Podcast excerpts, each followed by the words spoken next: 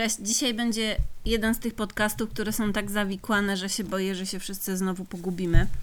Y, Ale no może nie, może nie, chociaż y, przyznaję, że rozpisywanie koligacji rodzinnych dla tego podcastu zajęło mi tak dużo czasu, że to, jest wręcz niedorzeczne.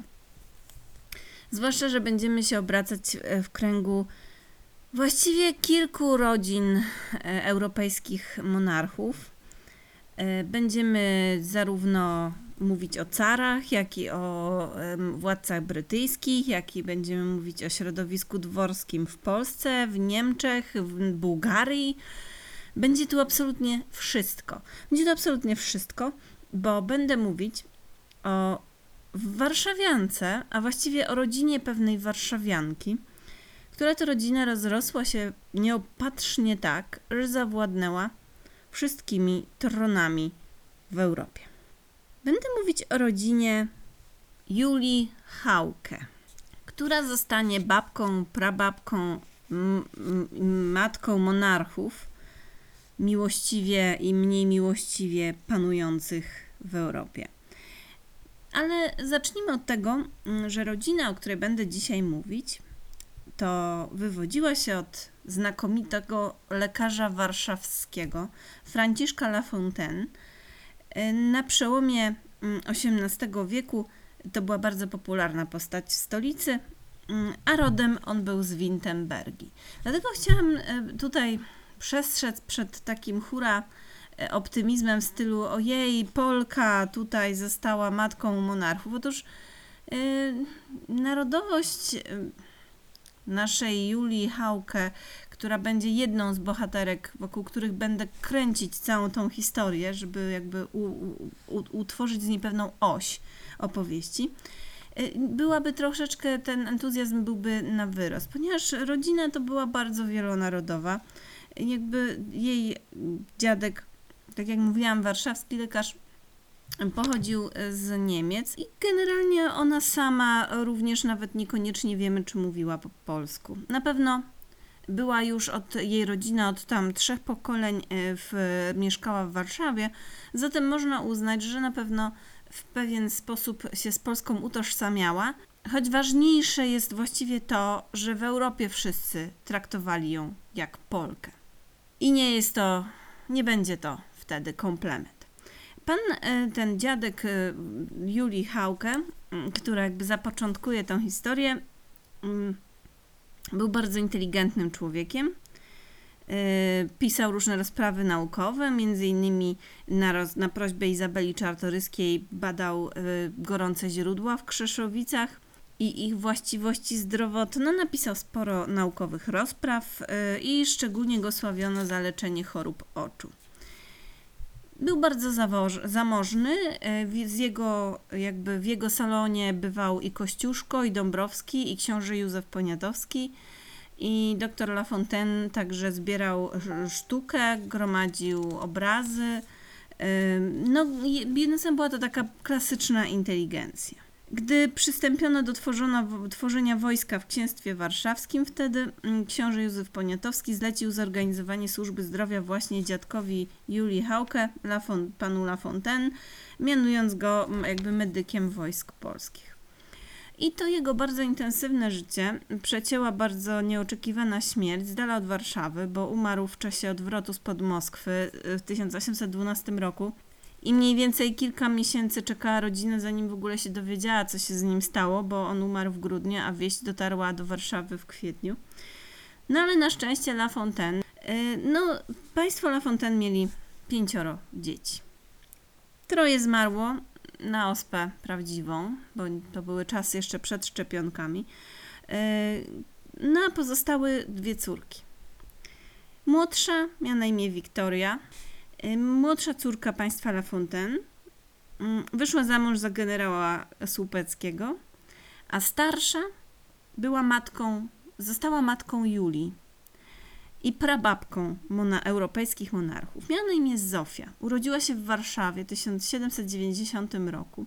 Była brunetką o wielkich czarnych oczach, bardzo starannie wykształconą. Grała na trzech instrumentach, na fortepianie, na skrzypcach i na harfie.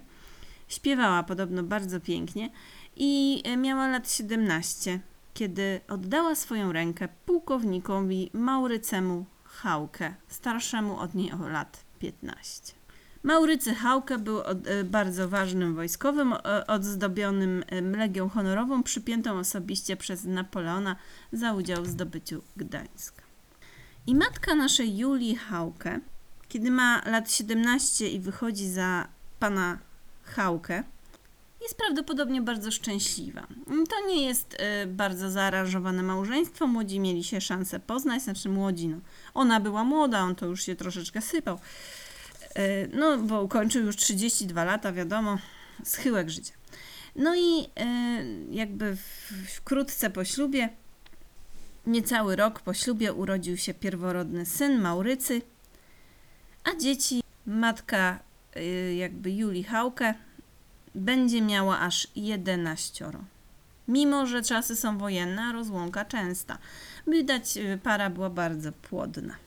No, w tym czasie ojciec Julii Hauke jest traktowany jak bohater wojenny. Różne patriotyczne warszawianki przysyłają mu wiersze. Na dodatek, na dodatek wielki książę Konstanty powołuje Haukego w 1814 roku na stanowisko generała kwatermistrza tworzącego się właśnie Wojska Polskiego, a na dodatek zostaje zastępcą ministra wojny. Jednym słowem wspina się naprawdę na najwyższe y, stanowiska i jest tak zasłużony, że w 1826 roku doczekuje się nobilitacji, czyli nadany mu zostaje tytuł szlachecki i akt nadania tego tytułu brzmi mniej więcej tak. Odrobinę go skracam. Z Bożej łaski my, Mikołaj I, cesarz Wszechrosji, król Polski, etc. Nadajemy temuż generałowi dywizji Maurycemu Hałkę oraz pomniejnionym braciom jego, Ludwikowi i Józefowi, dla nich i dla ich potomków prawych i prostych w linii, tytuł i prawa szlachciców. Na dodatek jeszcze parę lat później Hałkę dostaje tytuł hrabiowski. No lepiej być dla rodziny Hałkę nie może. Niestety zbliża się tragedia rodzinna. Wybucha powstanie listopadowe i kiedy wybucha powstanie listopadowe, on jako wojskowy władz było nie było carskich, gra w domu w Wista.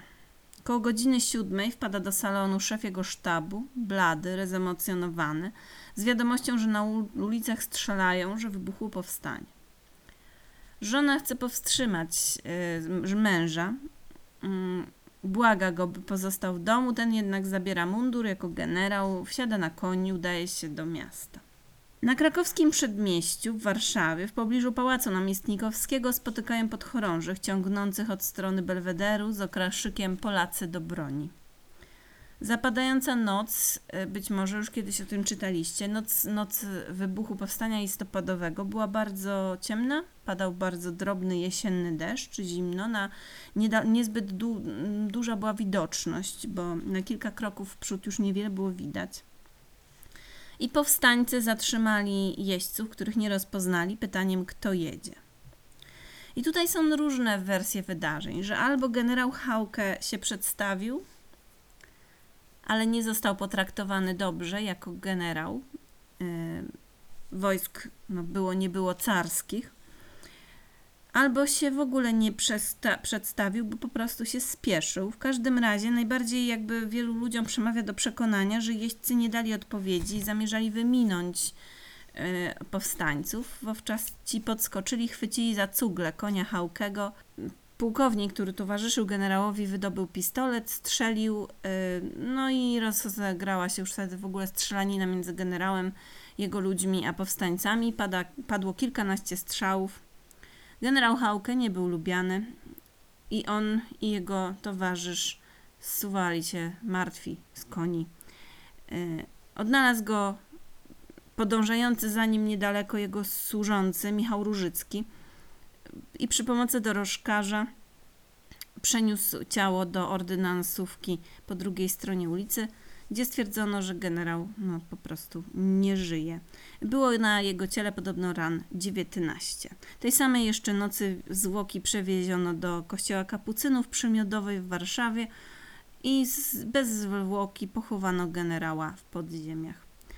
Y, w tym czasie Zofia Hauke, matka Julii Hauke, wokół której będziemy dziś tworzyć historię, y, nie wiedziała, co się stało z mężem. Mąż nie wracał, myślała, że po prostu, no, no cóż, no, robi swoje wojskowe rzeczy. I dowiedziała się o tragicznej jego śmierci i nawet tym, że już został pochowany dopiero trzeciego dnia po tym wydarzeniu. Był to dla niej straszliwy cios, nie tylko dlatego, że zmarł mąż. Był to cios taki, ponieważ mm, powstanie listopadowe rozbiło całą tę rodzinę. I teraz ja bym chciała, żebyśmy się powstrzymali przed ocenianiem, e, ponieważ nie chcę tutaj e, określać, czy generał Hałka był tym złym, czy tym dobrym, bo, no bo to nie jest istotne dla tej historii. I też historia rzadko jest czarno-biała. W każdym razie synowie generała jeśli tylko wiek im pozwalał, a jak wiecie, 11 dzieci państwo Hałkę mieli, chwycili za broń i od, popowiedzieli się po stronie powstańców. No i y, najstarszego Maurycego, najstarszego syna państwa Hałkę, powstańcy aresztowali w chwili wybuchu powstania. Nie ufali mu, ponieważ no, y, jego ojciec był generał moskiewski. Na jego prośbę, na prośbę właśnie tego Maurycego, syna Hałkę, y, małżonków, pozwolili mu brać udział w zdobywaniu Warszawy. I kiedy powstanie upadło, Maurycy wyemigrował do Stanów Zjednoczonych. Drugi z rzędu wiekiem był Władysław. Y, bił się po stronie powstańców bardzo dzielnie. Później otrzymał Virtuti Militari. Trzeci z kolei miał także na imię Maurycy. Y, ten trzeci z kolejności poległ pod Ostrołęką mając lat zaledwie 17. Matka, straciwszy męża i trzech synów, no, nie była w stanie go przeżyć. Zmarła dosłownie kilka miesięcy po powstaniu. Nie wiemy w jaki sposób, czy wysiadło jej serce, czy popełniła samobójstwo, trudno powiedzieć i zmarła 27 sierpnia 1831 roku i została pochowana w podziemiach kościoła kapucynów w Warszawie obok męża. I tym samym dochodzimy do momentu, w którym zostają osierocone dzieci Zofii i Maurycego Hałkę, w tym nasza młoda Julia. Ponieważ jednak były sierotami po no, carskim generale, to te warszawskie dzieci zostały niejako zaopiekowane przez władze moskiewskie. Ponieważ była Julia Hałkę sierotą po zasłużonym ministrze wojny Królestwa Polskiego, nie zapomniał o niej dwór petersburski. Została wysłana jako sierota, by wychowywała się w tak zwanym Instytucie Smolskim.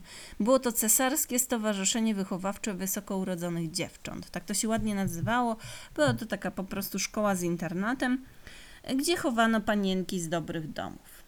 Była to właściwie e, no, życzliwość ze strony faktycznie e, władz carskich. Gdy dorosła, tak się złożyło, że prawdopodobnie poznała w tej szkole żonę przyszłą, następcy tronu carskiego i musiał się tam zaprzyjaźnić, ponieważ Julia Hałkę zostaje frejliną, czyli jakby damą dworu księżniczki Marii, żony następcy tronu carewicza Aleksandra. Wtedy carem jest Mikołaj I. No więc, e, gdy Maria, Maria Heska wychodzi za mąż za carewicza Aleksandra, syna cara Mikołaja I, ma dopiero lat 16.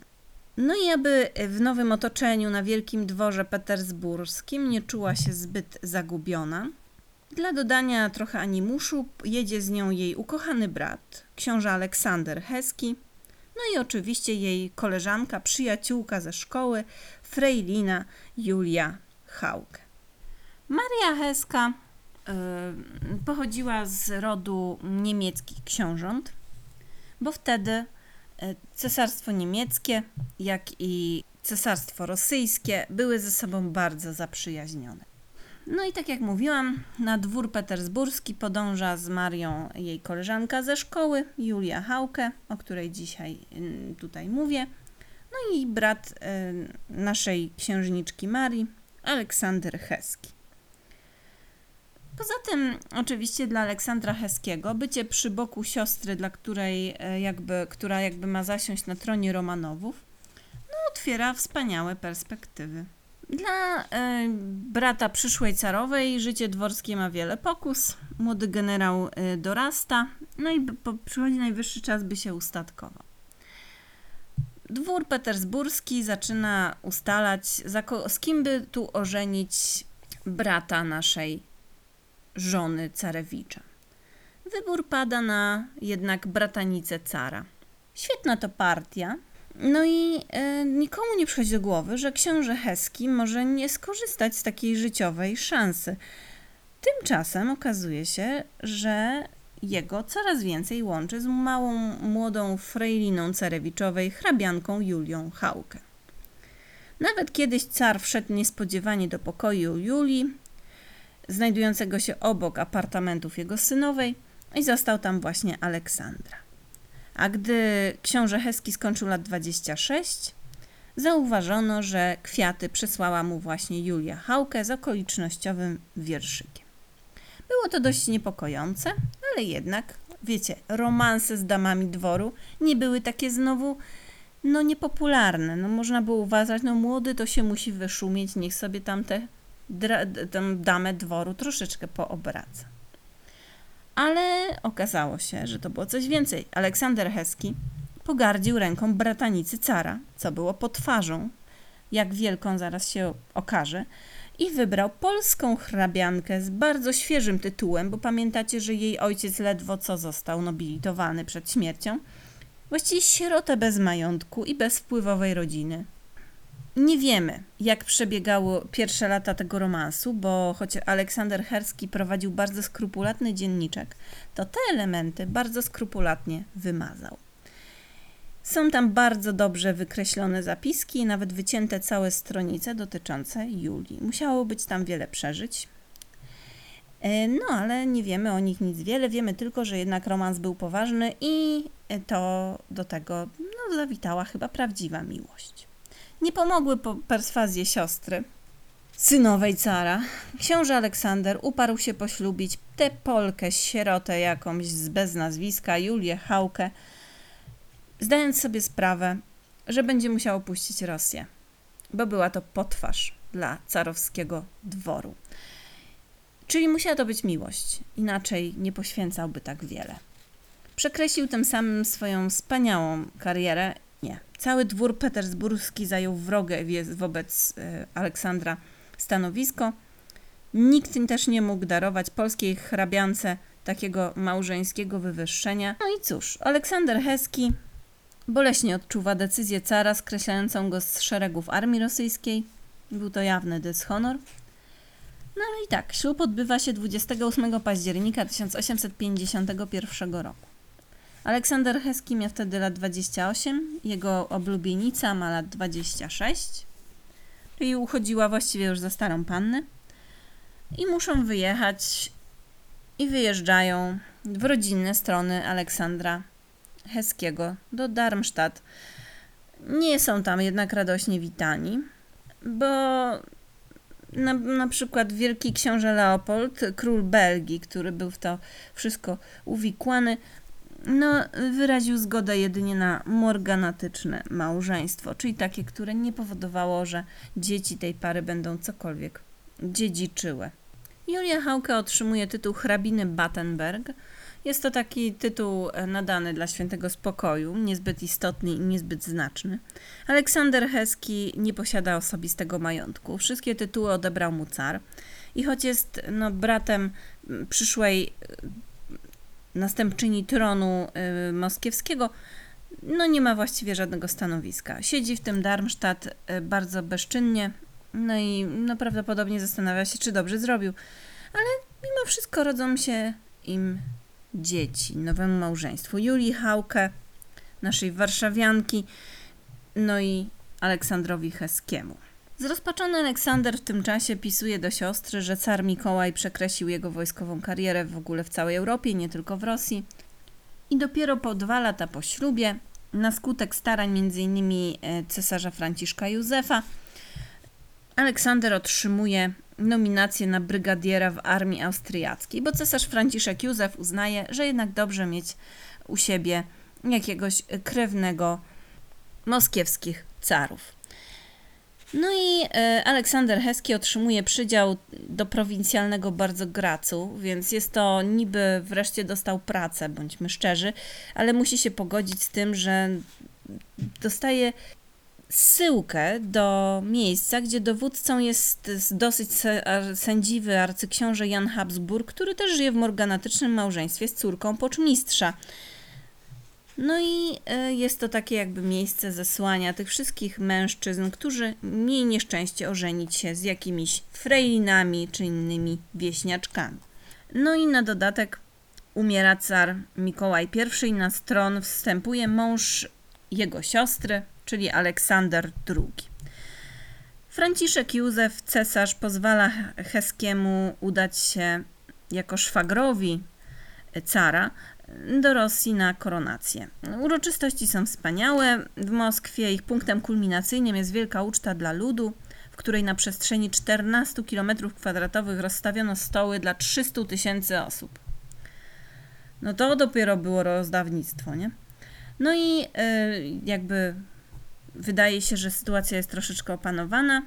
On odwiedza siostrę, która zostaje na tronie Romanowów, wraca potem do garnizonu w Weronie, ale no cesarz austriacki nadal traktuje go trochę nieufnie.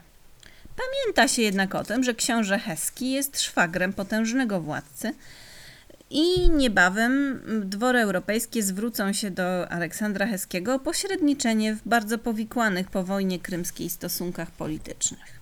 Jednym słowem Aleksander Heski z żoną Julią Haukę, warszawianką u boku, zaczyna troszeczkę odzyskiwać animusz. No, w Wiedniu wiedziano, że przywrócenie dobrych stosunków z Rosją, no to jakby jest przydatne, a przyda się w tym jeszcze bardziej szwagier cara, który nosi mundur austriackiego generała. Więc y, automatycznie zmienia się stosunek dworu wiedeńskiego do jego żony, do Julii Hauke, świeżo upieczonej księżnej Battenberg, traktowanej trochę jak kundel, E, no i nagle w niepamięć idą dawne nietakty i niechęć. Dawną frejlinę traktuje się jak równą sobie księżniczkę, księżniczkę krwi, no bo to są koniunkturalne kurwy wszyscy, prawda? No więc e, w rodzinnym Darmstadt księżna Battenberg rodzi sobie wtedy już dzieci, a piąte i ostatnie dziecko dostaje nawet imię po cesarzu austriackim Franciszku Józefie. Jedna wielka rodzina. Aż do czasu, aż do czasu, aż wybucha powstanie styczniowe. Kolejny zgrzyt, ponieważ, jak pamiętacie, Julia Hauke miała bardzo dużo rodzeństwa, które miało bardzo dużo też kolejnych dzieci. Generalnie jej rodzina w Polsce yy, no, była bardzo duża. Była też nieznośnie polska, ponieważ wśród młodzieży spokrewnionej z Julią Hauke znajduje się młody 19-letni siostrzeniec naszej księżnej Battenberg, Aleksander Hauke, który biegnie na walkę z carem w powstaniu styczniowym. Polegnie w nierównej walce pod Złoczowem, no ale jest to dla księżnej Battenberg, która liczyła, że już wreszcie będzie spokój, no pewna przykrość. Oceniajcie to jak chcecie, no ale była. Na dodatek broń przeciwko carowi podnosi jeszcze jeden członek jej rodziny, Józef Hauke, strujeszny brat. Kolejny bliski krewny. Józef Hauke przybrał pseudonim Bosak i we wrześniu został mianowany wodzem naczelnym w stopniu generała na województwa krakowskie i sandomierskie. I jako jeden z, z ostatnich złoży broń uchodząc za granicę, więc jest niebyle kim w tym powstaniu styczniowym. Także nie dość, że krewni żony wy, jakby występują w rewolucji przeciwko carowi, to jeszcze okazuje się, że panująca wówczas królowa Wiktoria, brytyjska królowa rzecz jasna, no ma urządzać chrzciny swojej wnuczki. Aleksander Heski nie ma już nadziei, że ktoś go na tę uroczystość bardzo ważną politycznie, wbrew pozorom, zaprosi, a tu proszę. Udaje się. Aleksander Heski zostaje zaproszony na chrzciny. Wnuczka ta otrzyma po babce również imię Wiktoria. Dla księcia Aleksandra Heskiego, obciążonego tym polskim małżeństwem morganatycznym, to zaproszenie jest wyróżnieniem. I nie przeczuwa zapewne, że ten moment, to, to, to zetknięcie pierwsze z brytyjskim dworem zaważy na absolutnie całej przyszłości jego rodziny. Nie wie, że ta wnuczka królowej Wiktorii, także Wiktoria, zostanie jego synową, ale nie wybiegajmy w przyszłość. Aleksander Heski jest zaoczarowany dworem brytyjskim. Choć przykro odczuwa e, przestrzegany bardzo skrupulatnie na zamku Windsor zakaz palenia tytoniu, ponieważ bardzo jest uzależniony od cygar, to korzysta z tego, że ulokowany jest w odosobnionej wieży to i pali je późnym wieczorem. Przychodzą do niego nawet dwaj synowie królowej Wiktorii, książę Wali, późniejszy król Edward VII i książę Alfred, by zaciągnąć się dymkiem. No, zatem zawiązuje kontakty bardzo ważne i towarzyskie. Jakby synowie królowej Wiktorii bardzo się jej boją i pilnują, żeby nikt ze służby nie przyłapał ich na paleniu papierosów. Aleksander Heski wraca z Wielkiej Brytanii zachwycony. W tym czasie jego dzieci, które ma z Julią Hałkę, zaczynają dorastać i trzeba im znaleźć, e, no wiecie, stanowiska, małżonków i wszystko. rodzina ma aspiracje, ma też niby koneksję, ale nie ma pieniędzy. Jako urodzeni w małżeństwie morganatycznym, dzieci Julii Hałkę i Aleksandra Heskiego nie mają perspektyw na bogaty spadek, czy nawet na pomniejsze trony, bo nic nie dziedziczą. Najmniej kłopotów jest najstarszą córką. Najstarsza córka Julii Hałkę i Aleksandra Heskiego ma na imię Maria i jest podobno przepiękna, przyciąga wzrok wszystkich. Nawet w pewnym moment taki następuje, że cesarz niemiecki Wilhelm I w czasie wizyty w Darmstadt tak się nią zauroczy, że na oczach wszystkich chwyci jakieś srebrne tace leżące na gzymsie komika, przyłoży je do swego lewego boku, że niby do serca i położy je u jej stóp. No jednym słowem, Maria Hauke Heska okazuje się być skończoną pięknością. Księżniczka Maria zakochuje się w młodym hrabim Gustawie Erbach-Schönbergu, potomku dosyć dobrej rodziny. Wyborowi Marii nie sprzeciwiają się rodzice i ślub odbywa się w 1871 roku, a że y, Maria jest bratanicą żony cara Aleksandra II, to car wyposaża ich bardzo y, dobrze w prezenty, w brylanty. Większy kłopot jest z chłopcami. Podobno niezbyt y, lubili się uczyć, ale byli wyjątkowo pięknymi młodzieńcami. W ogóle podobno dzieci wszystkie straszliwie urodziwe. O ich urodzie mówiono głośno na dworach europejskich, no ale mieli otwarte jakby drzwi do kariery wojskowej. Najstarszy z synów miał na imię Ludwik i chciał wstąpić do marynarki brytyjskiej. Przyjęty zostaje do szkoły marynarskiej tam i liczy na to, że jako bratanek carowej ma otwartą drogę do kariery. W tym czasie, yy, jeśli chodzi o arenę światową, Rosja okupuje Bułgarię. Trwa to już 9 miesięcy i Rosja ma zamiar zorganizować, jak to Rosja ma w zwyczaju, rosyjski swój własny prorosyjski rząd na miejscu. No zatem e, Aleksander Heski wysuwa na stanowisko tego e, władcy Bułgarii, prorosyjskiego władcy Bułgarii, swego syna, kolejnego syna Aleksandra. Zostaje to przychylnie przyjęte mm, u cara i Aleksander Battenberg, zwany później Aleksandrem Bułgarskim, zostaje wybrany księciem Bułgarii. Ma dopiero 22 lata, więc ja nie wiem, co on może wiedzieć o rządzeniu państwem, no ale ważne, że ma dobre koneksje z carem. E, car darzy syna swego szwagra sympatią, obiecuje mu silne poparcie na nowej drodze życia. No i Aleksander Bułgarski, tak go będę nazywać, żeby go odróżnić od jakby całej reszty Aleksandrów, przyjeżdża do swojego nowego państwa, e, zresztą podobno ze strasznym rozstrojem żołądka, bo szalała wtedy okropna burza i morze było wzburzone. Wychodzi na ląd. Uroczystości powitania trwają 8 dni i ten objazd kraju, co jest podobno jednym pasłem wielkim cierpień, no bo pewnie miał, nie wiem, wymioty i biegunkę. No ale powołuje rząd, y, zapowiada swoją wizytę w Petersburgu, gdzie zamierza przeforsować zmianę konstytucji.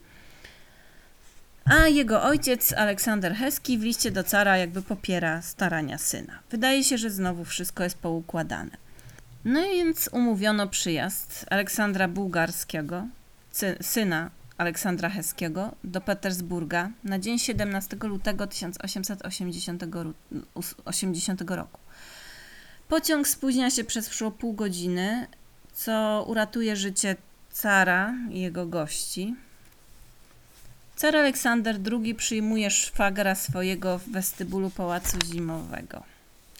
W tym czasie w podziemiach głównego odwachu, który znajduje się pod żółtym salonem, gdzie wszyscy mieli spożywać obiad, spiskowcy podłożyli wielką minę. Nikt z carskiej rodziny jednak i, nie, i gości nie poniósł szwanku, bo nie udali się z powodu spóźnienia pociągu na czas do żółtego salonu. Jest jednak 11 zabitych i 44 rannych wśród wojska, którzy obstawiali ten salon i byli tam obecni. Szyby w pałacu zimowym wyleciały prawie wszystkie, a, a carowa, mm, siostra Aleksandra Heskiego, nie zauważa nawet wybuchu, bo jest wtedy bardzo chora i po ataku bólów jest po prostu naćpana morfiną i pogrążona w tak głębokim śnie, że nie słyszy nawet tej straszliwej eksplozji. Po tym wszystkim w zamieszaniu, w ciemności, obu książąt Battenberg, Aleksandra Heskiego i Aleksandra Bułgarskiego, e, przyjmuje się w jakimś bocznym pokoju. Nikt nie ma apetytu, car jest przygnębiony. Wszyscy idą po tym wszystkim do carowej, która jeszcze nic nie wie o zamachu. No, okazuje się, że rewolucjoniści umieścili wśród robotników e, swoich ludzi i wnosili dynamit po prostu regularnie w czasie rzekomego remontu. No i sporządzili bombę zegarową, która wybuchła w ściśle oznaczonej godzinie, gdy już według programu rodzina cesarska wraz z heskimi krewnymi miała znajdować się w żółtym salonie. No więc e, w obliczu tego zamieszania Aleksander Bułgarski no, nie mógł przeforsować za bardzo swoich żądań, bo nie było ku temu okazji. Opuszcza więc Petersburg z rozżaleniem. Siostra Aleksandra Heskiego, droga Maria, żona cara Aleksandra, umiera w 1880 roku we śnie. Aleksander ma wtedy y, swoją drogą już od lat bardzo stałą kochankę, Katarzynę Dołgoruki. I Aleksander Heski śpieszy do Petersburga na uroczystości pogrzebowe swojej siostry. A sześć tygodni po zgonie carowej, właśnie car Aleksander Zawiera morganatyczny także związek z księżną Katarzyną Dołgoruki, tą jego wieloletnią kochanką, by jakby legitymować troje dzieci, które ma z tego związku z nią. Nadaje im nazwisko książąt jurjewskich i zabezpiecza ich materialnie. No, niedługo się car pocieszy nową żoną, e, nową, choć w sumie nie taką nową, bo rok później, nawet niecały, 13 marca 1881 roku bomba rzucona, gdy sankami wracał z przeglądu zmiany warty, oberwie mu obie nogi od kolan, e, no i umrze z upływu krwi. Zamach na cara udaje się. Aleksandrowi Heskiemu e, pilny telegram z tą wiadomością wręczony zostaje w operze podczas przedstawienia latającego Holendra Wagnera. Ten natychmiast się pakuje i wyjeżdża do Petersburga. Zastaje jeszcze trumnę niezamkniętą, głowa cara jest zaszpecona raną, okryta woalem, a obok leżą długie warkocze wspaniałych, ciemnych włosów księżnej Jurjewskiej Dołgoruki, która obcięła na znak rozpaczy i żałoby. Śmierć cara Aleksandra II pociągnie za sobą zasadnicze zmiany w życiu Aleksandra Heskiego. Nowy car, także Aleksander, Aleksander III, wyłącza Aleksandra Heskiego zupełnie z wielkiej polityki. Jest to kolejny cios dla rodziny Heskich. Oto ich związki z dworem rosyjskim znacznie się rozluźniają. Co prawda udaje się Heskin wraz ze swoim synem, księciem bułgarskim, do Moskwy na koronację, Oczywiście znowu koronacja odbywa się z olbrzymim przepychem, z olbrzymiego skarbca carów wydobyto wspaniałe klejnoty. Na koronie cara lśniło 60 wielkich i 5 tysięcy mniejszych brylantów. i perły i berło zwieńczone brylantem tak zwanym kohinorem, który zasługuje na właściwie osobny podcast. To co prawda jako rodzony wuj cara, bo przecież jest wujem cara, udaje się na Kreml książę Heski w orszaku koronacyjnym, to jednak na balu galowym jako tancerki przydziela mu się dan, damy takie niżej szeregowane w hierarchii i zarówno on, jak i jego syn, książę bułgarski, nie są zaproszeni na kolację rodzinną do carowej. Petersburgu zaczyna uważać się księcia Aleksandra Bułgarskiego za ukrytego wroga Rosji. Listy cara do niego są coraz bardziej oficjalne. Początkowo pisał do niego kochany kuzynie, a później już tylko wasza wysokość. Aleksander bowiem powoli zastępował rosyjskich oficerów, którzy byli obsadzeni na początku tego przewrotu, bułgarskimi, co jest oczywiście przez Rosję źle widziane. Tym czasie los Aleksandrowi Bułgarskiemu, synowi Aleksandra Heskiego, szykuje pewną odmianę, ponieważ najstarsza córka królowej angielskiej Wiktorii ma także trzy córki. Najstarsza z nich ma także na imię Wiktoria, zwana Wiki, i tak będziemy na nią mówić, żeby jej nie mylić z innymi Wiktoriami, kończy właśnie lat 17. Czyli Wiki, wnuczka królowej Wiktorii, zaczyna się oglądać za pięknym księciem Aleksandrem Bułgarskim, naszym wspaniałym Battenbergiem. Małżeństwo jednak spotyka oczywiście sprzeciw Rosji i przede wszystkim Bismarcka, który, ponieważ Niemcy zblatowane mocno z Rosją, bardzo są przeciwne w ogóle rodzinie Heski. Dochodzi więc tylko do potajemnych zaręczyn wnuczki królowej Wiktorii z księciem bułgarskim. No ale zaręczyny muszą być utrzymane w tajemnicy. Książę Aleksander y, Bułgarski obowiązuje się nie wspomnieć o nich nawet swojemu ojcu, Aleksandrowi Heskiemu. W tym samym czasie z dworem brytyjskim wiąże się kolejny z synów Julii Hauke i Aleksandra Heskiego. Najstarszy z synów, Ludwik, który pamiętacie poszedł służyć w marynarce brytyjskiej. No, zaręcza się z inną wnuczką królowej Wiktorii, notabene również mającej na imię Wiktoria. Na ich ślub w Darmstadt zjeżdża sama ta właściwa królowa Wiktoria ze swoją najmłodszą, niezamężną jeszcze córką, Beatrycze. Przyjeżdża również Aleksander Bułgarski. W Darmstadt podczas tych ślubnych uroczystości Aleksander Bułgarski zdrada swemu ojcu, Aleksandrowi Heskiemu, że zaręczył się w tajemnicy z Wiktorią Wiki, Wiktorią Pruską, tak zwaną księżniczką. No i matkę Aleksandra Bułgarskiego, Julię Hałkę, warszawiankę naszą, sierotę biedną, rozpiera duma. W końcu tak, tak, tak, tak często w życiu przypominano jej morganatyczny związek, a jego syn, jej synowie, proszę, sięgają po żony z największymi koligacjami. Właściwie wszystkie żony jej synów mają mieć na imię Wiktoria i być skoligacone z królową Wiktorią. No więc obie narzeczone synów Julii Hauke są wnuczkami królowej Wiktorii. Królowa Wiktoria zresztą popiera te mariaże. Tutaj nie ma żadnego problemu. Bismarck nadal jednak nie może się na to zgodzić. Zacietrzewia się i głośno piętnuje całą sprawę jako intrygę królowej angielskiej, która pragnie wbić klin w przyjaźń niemiecko-rosyjską. Mało tego, Niemcy zaczynają uderzać w dzwon tak zwany polski. Yy, uważają, że książę Aleksander Bułgarski po matce odziedziczył piękność, brawurę i skłonność do intryg właściwe polskiej nacji. Jest to być może nawet komplement. Trzeci syn Julii Hauke ma na imię Henryk. Zaręcza się, uwaga, z najmłodszą córką królowej Wiktorii, księżniczką Beatrycze, tą, która przyjechała z królową Wiktorią na ślub Najmłodsza córka królowej Wiktorii ma lat 27, e, więc jakby ostatni dzwonek, nie? I zakochała się właśnie w urodziwym, tak jak i starsi bracia Battenberg, chłopcu.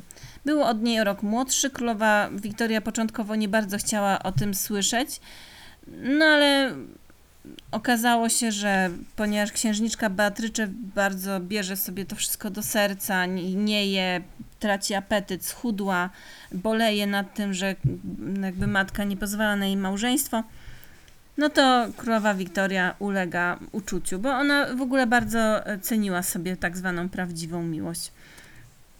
Nie chce stawiać młodym dalszych przeszkód, więc Henryk zawiadamia swoją matkę Julię Hałkę i swojego ojca e, Aleksandra Heskiego o swoim szczęściu w liście, który tryska radością. Co oczywiście, jak się zapewnie domyślacie, w Berlinie zostaje przyjęte ze z kolejną wściekłością. E, do królowej Wiktorii słane są listy o tym, że Henryk Battenberg jest w ogóle nic nieznaczącym małym człowieczkiem i w ogóle co to za w ogóle za koligacja. Nawet e, Aleksander Bułgarski przecież dziwi się temu, że brato, bratu udało się jakoś Beatrycze, córkę królowej Wiktorii, no, omotać, pisze. Nie można wprost docenić wagi zaręczyn, e, Liko, z powodu których składam wam z całego serca życzenia. Jak ten chłopak to zrobił, aby rozpalić tak Beatrycze, pozostanie dla mnie zagadką, bo przecież prawdę powiedziawszy, Liko nie jest na równym z nią poziomie umysłowym. Liko to była taka ksywka Henryczka.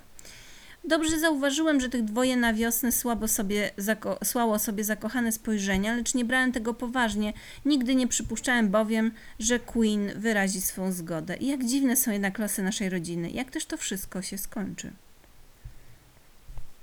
No i znowu, dumny ojciec Aleksander Heski w 1885 roku jedzie do Londynu na ślub. Uroczystości weselne odbywają się z pompą. Królowa angielska, wydając za mąż swą ostatnią, piątą córkę, y, mówi, że rzadko się zdarzało, by przed ołtarzem klęczała para równie szczęśliwa. Dwór berliński oczywiście ignoruje ślub.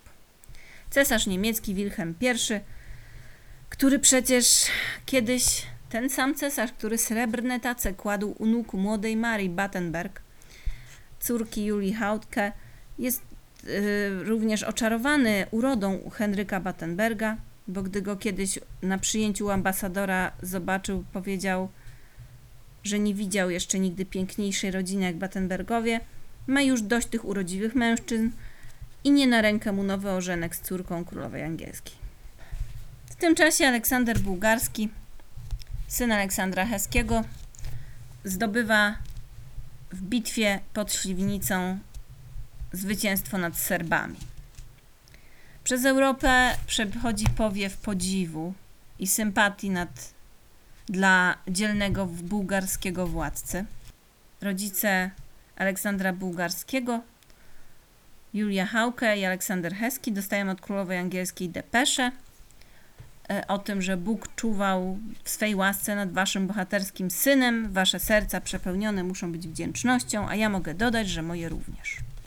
Książę Heski, Aleksander Heski, czuje się już na tyle pewnie, tak osadzony y, z sojusznikami po stronie angielskiej, że wysyła carowi Aleksandrowi III bardzo butny list, który właściwie zrywa stosunki jego z siostrzeńcem. Pamiętacie, Wiki Wnuczka królowej Wiktorii jest ukrytą narzeczoną Aleksandra Bułgarskiego, więc też się cieszy z jego zwycięstwa nad Serbami. Żałuje bardzo, że nie może uciec, przydziać męskiego stroju i pójść z młodym księciem na wojnę i w ogóle wszystko to w Europie, ten entuzjazm dla młodego Battenberga pogłębia jeszcze niechęć okazywaną mu przez cesarza Wilhelma i kanclerza Bismarcka. Niestety sława Aleksandra Bułgarskiego sprowadza na niego trochę nieszczęścia, bo w 1886 roku spiskowcy dopadają go, obezwładniają i zawleką na statek, wywożąc w nieznanym kierunku i utworzą oczywiście rewolucyjny rząd wyraźnie prorosyjski, ponieważ Aleksander Bułgarski niewystarczająco prorosyjskim był, choć za takiego go miano, usadzając go na tym tronie. Za dużo władzy oddawał z powrotem Bułgarom w mniemaniu cara rosyjskiego. E, ojciec Aleksandra Bułgarskiego, nasz Aleksander Heski, depeszuje do wszystkich ministerstw spraw zagranicznych z prośbą o powiadomienie, czy cokolwiek wiedzą o miejscu pobytu syna, ale no znikąd nic pewnego. W tym czasie w Bułgarii trwają protesty. W Sofii yy, żądają powrotu Aleksandra, ogłaszają go znowu księciem. Rząd rewolucyjny upada. Cały kran, kraj jest za naszym Aleksandrem, zwanym wtedy Sandrem. Balmoral królowa angielska jest przerażona. Wiktoria jest zwana, znana ze swoich jakby uczuć rodzinnych, lubi narzeczonego swojej wnuczki Uważa, że jest kochany, dzielny i szlachetny młody suweren Bułgarii. Traktuje go jak członka rodziny. Po czterech dniach nadchodzi depesza, przesłana osobiście przez Aleksandra Bułgarskiego. Zostałem dziś jako jeniec przekazany posterunkowi rosyjskiej żandarmenii w Reni. Na rozkaz Petersburga uwolniony udaje się przez Lwów do Wrocławia.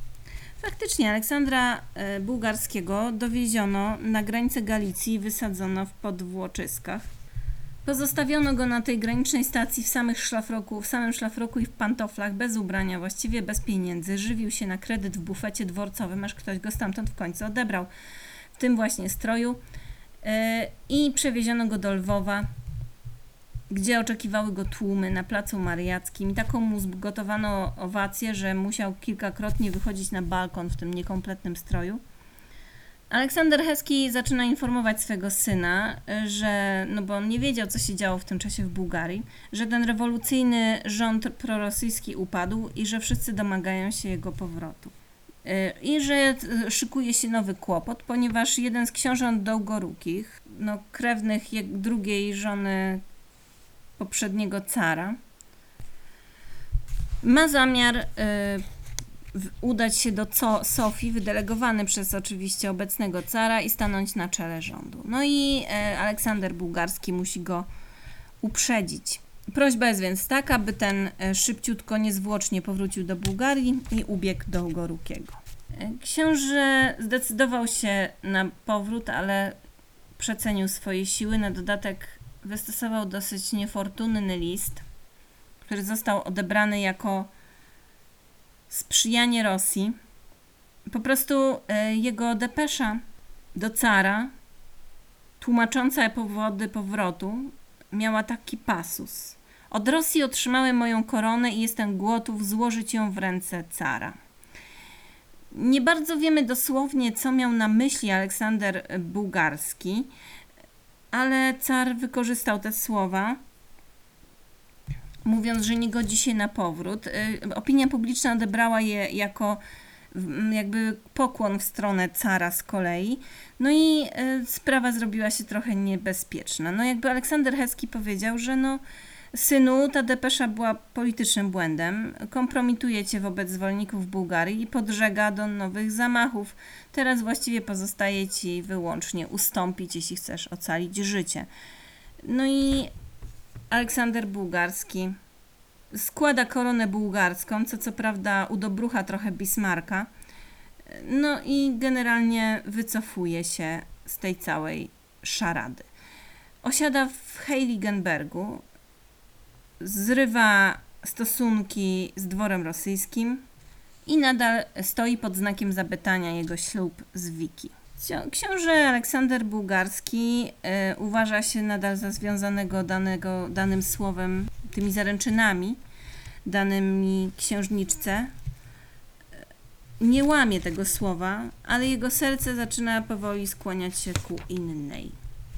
Ponieważ w międzyczasie w końcu żyje w rozłące od Wiki, zapałał uczuciem do primadonny opery w Darmstadt, Joannie, do Joanny Loisinger. Panna Loisinger występowała w roli, w roli Violetty w Trawiacie, wystawianej w Darmstadt po raz pierwszy w styczniu 1888 roku.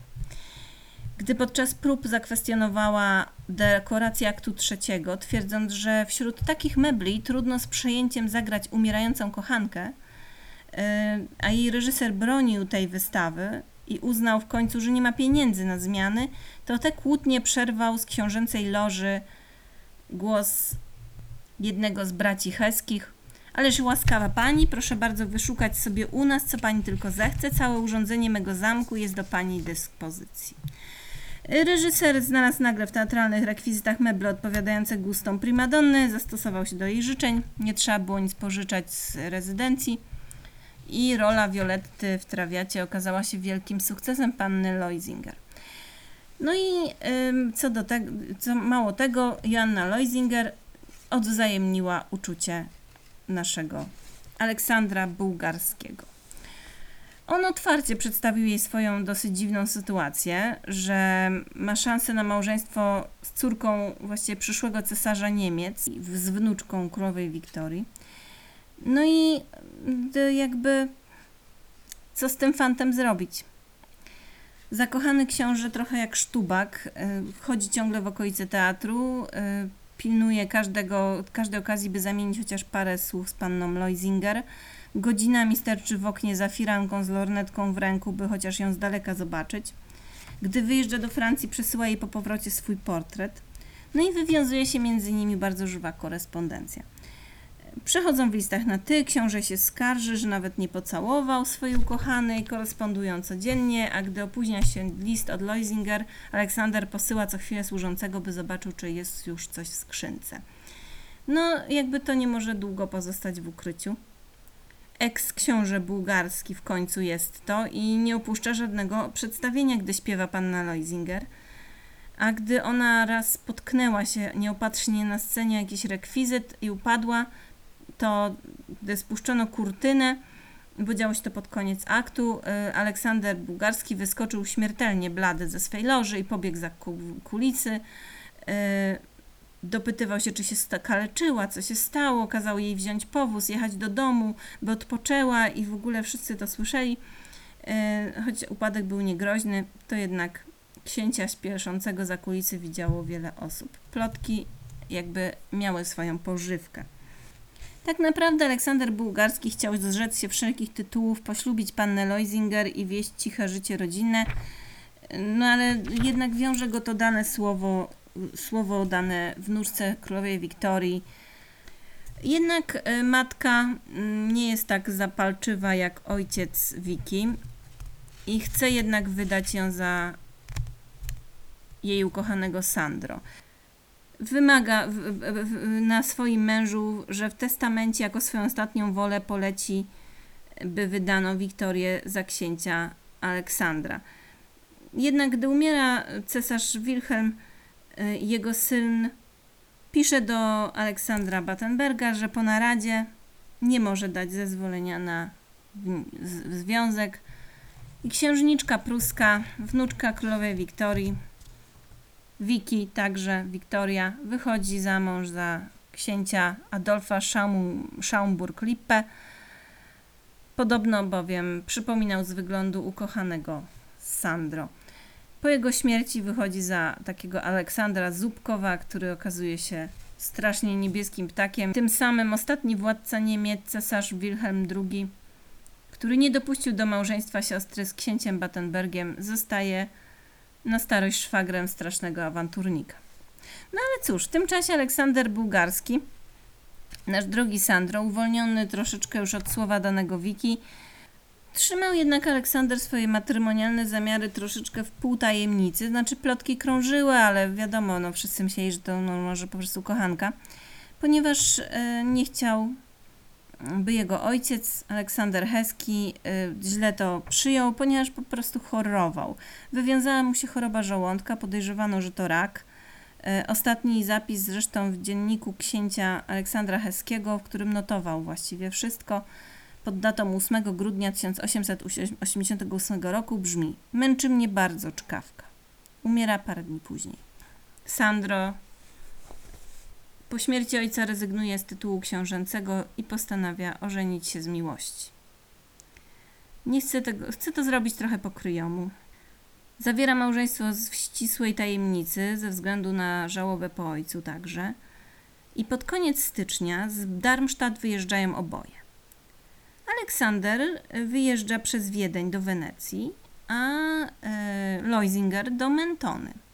Aleksander nie zatrzymuje się jednak w Wenecji. Zostawia tam polecenie przesyłania poczty, udaje, że tam przebywa i pospieszy za ukochaną, by ślub odbył się właśnie w Mentonie, ale tajemnicy nie udaje się długo zachować. Młoda para zamieszka w Mediolanie. Chwilę później urodzi im się syn, Dwa, a, a jeszcze moment później, w 1892 roku córka. Obo, e, zarówno synek i córka mają imiona e, pochodzące z Bułgarii, ponieważ miłość jednak Aleksandra do Bułgarii zdążyła urosnąć przez ten czas jego trochę nieoczekiwanego tam władania. Niestety nie pocieszy się Aleksander długo tym upragnionym, spokojnym życiem rodzinnym, bo ku rozpaczy żony rozstaje się nieoczekiwanie ze światem. Cierpi na wrzody żołądka i wy- wywiąże się z zapalenia otrzewne i dożyje tylko 36 lat. Julia Hauke niewiele przeżyje yy, najsłynniejszego ze swoich synów, bo umrze dwa lata później, nie doczekawszy także małżeństwa swego najmłodszego syna, imiennika Fran- cesarza Franciszka Józefa, który jako jedyny spośród braci miał w ogóle wyższe studia i uzyskał doktorat z filozofii. Ten najmłodszy z synów Julii Hauke utrwali koligację Battenbergów, bo poślubi w 1897 roku księżniczkę Czarnogóry, siostrę królowej, kro, włoskiej królowej, a najstarszy z synów, ten, który poszedł do angielskiej armii, Ludwik Battenberg, czasie I wojny światowej, by nie przypominać Anglikom niemieckiego brzmienia swego nazwiska, zmieni je na Mountbatten. Jego najstarsza córka, wnuczka Julii Hauke, poślubi Andrzeja, księcia greckiego. Ich syn zaś, książę Filip Edinburgh Mountbatten, zostanie księciem małżonkiem królowej brytyjskiej Elżbiety II. Najmłodszy z synów Ludwika, tego najstarszego syna Julii Hauke, zostanie ostatnim wicekrólem Anglii w Indiach. Na tronie zasiądzie również wnuczka Julii, córka jej syna Henryka, księżniczka Wiktoria Eugenia. Zostanie żoną króla hiszpańskiego Alfonsa XIII. I tak wywędrowaliśmy od Julii Hauke, warszawianki, sieroty, aż do królowej Elżbiety II. No i to tyle. Mam nadzieję, że się nie, nie pogubiliście w tej gawędzi, ale od czasu do czasu muszę nagrać coś tak długiego, e, bo ciąży mi to. E, No i mam nadzieję, że nie, nie było to zbyt nużące. Ale chciałam wywlec tę genealogię e, zmarłego już księcia Filipa, genealogię właściwie obecnych książąt Williama i Harego i królowej Elżbiety II, aż do naszej warszawianki, która, no cóż, praprababką była rodów królewskich europejskich. Bo tak po prostu jakoś wyszło. I to tyle na dzisiaj. Do usłyszenia.